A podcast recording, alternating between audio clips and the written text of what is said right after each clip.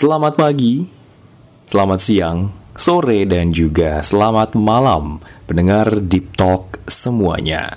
Senang banget gue Feby Andrian kembali lagi hadir menemani hari Minggu kamu semua. Sorry, sorry, sorry, sorry. Sebelumnya gue nggak akan mengingatkan bahwa besok itu hari apa, tapi yang pasti dari perdebatan di Twitter Sabtu malam kemarin itu ngebuat banyak orang mengeluarkan pendapatnya mengenai lagi-lagi nikah muda. Tema ini gue angkat karena ada sepasang pasangan muda, sebut aja Dinda Hau. Ya kan ya?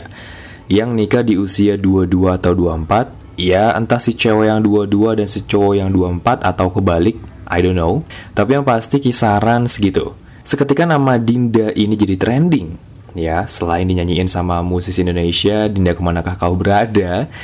Karena ya Dinda ini masih muda. Lalu juga cantik.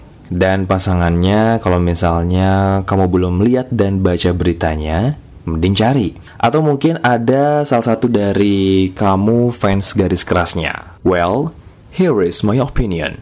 Namanya emang gak asing di telinga kan, Dinda Hau dan suaminya. Yang gue tahu, nama pendeknya itu adalah Ray.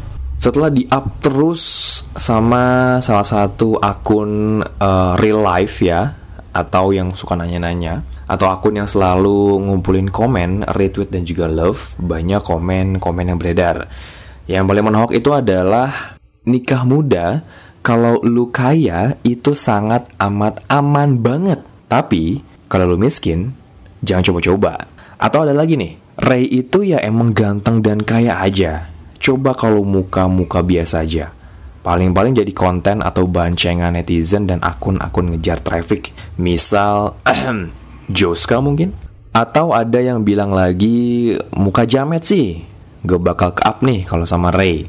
Lalu ada juga yang disangkut pautin sama agama. Sesoleh dan mau ta'aruf apa enggak, kalau modal lu itu doang, ya nggak bakal ketolong. Modal lu harus kaya plus ganteng. Enough said. Pasti pernah dong denger nyinyiran kayak gitu. Ya memang kayak gitu faktanya. Gue selalu berpendapat dan cenderung setuju bahwa terlahir dengan paras ganteng dan cantik di Indonesia ini adalah sebuah privilege. Yang artinya apa? Bahwa 60 hingga 70% masalah lu bisa kelar dengan modal tampang lu itu. Beda dengan yang lahir biasa aja, jamet, dan gak mau berusaha untuk perawatan. Wah, udah. Lu harus mulai dari dasar bro. Jadi kaya dan ganteng itu adalah combo paling dahsyat. Ibadah? Ah, tar dulu. Sambil jalan juga bisa perbaiki dan halusinnya lagi. Lucu. Susah bro.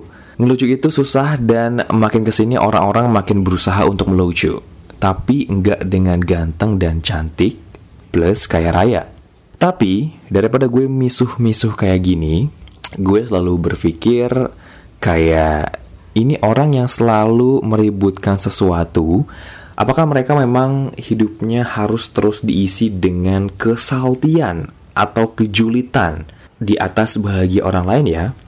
Gue selalu bertanya-tanya perihal itu dalam hati gue bahwa gue berbicara tentang Dinda ini adalah ya gue tahu.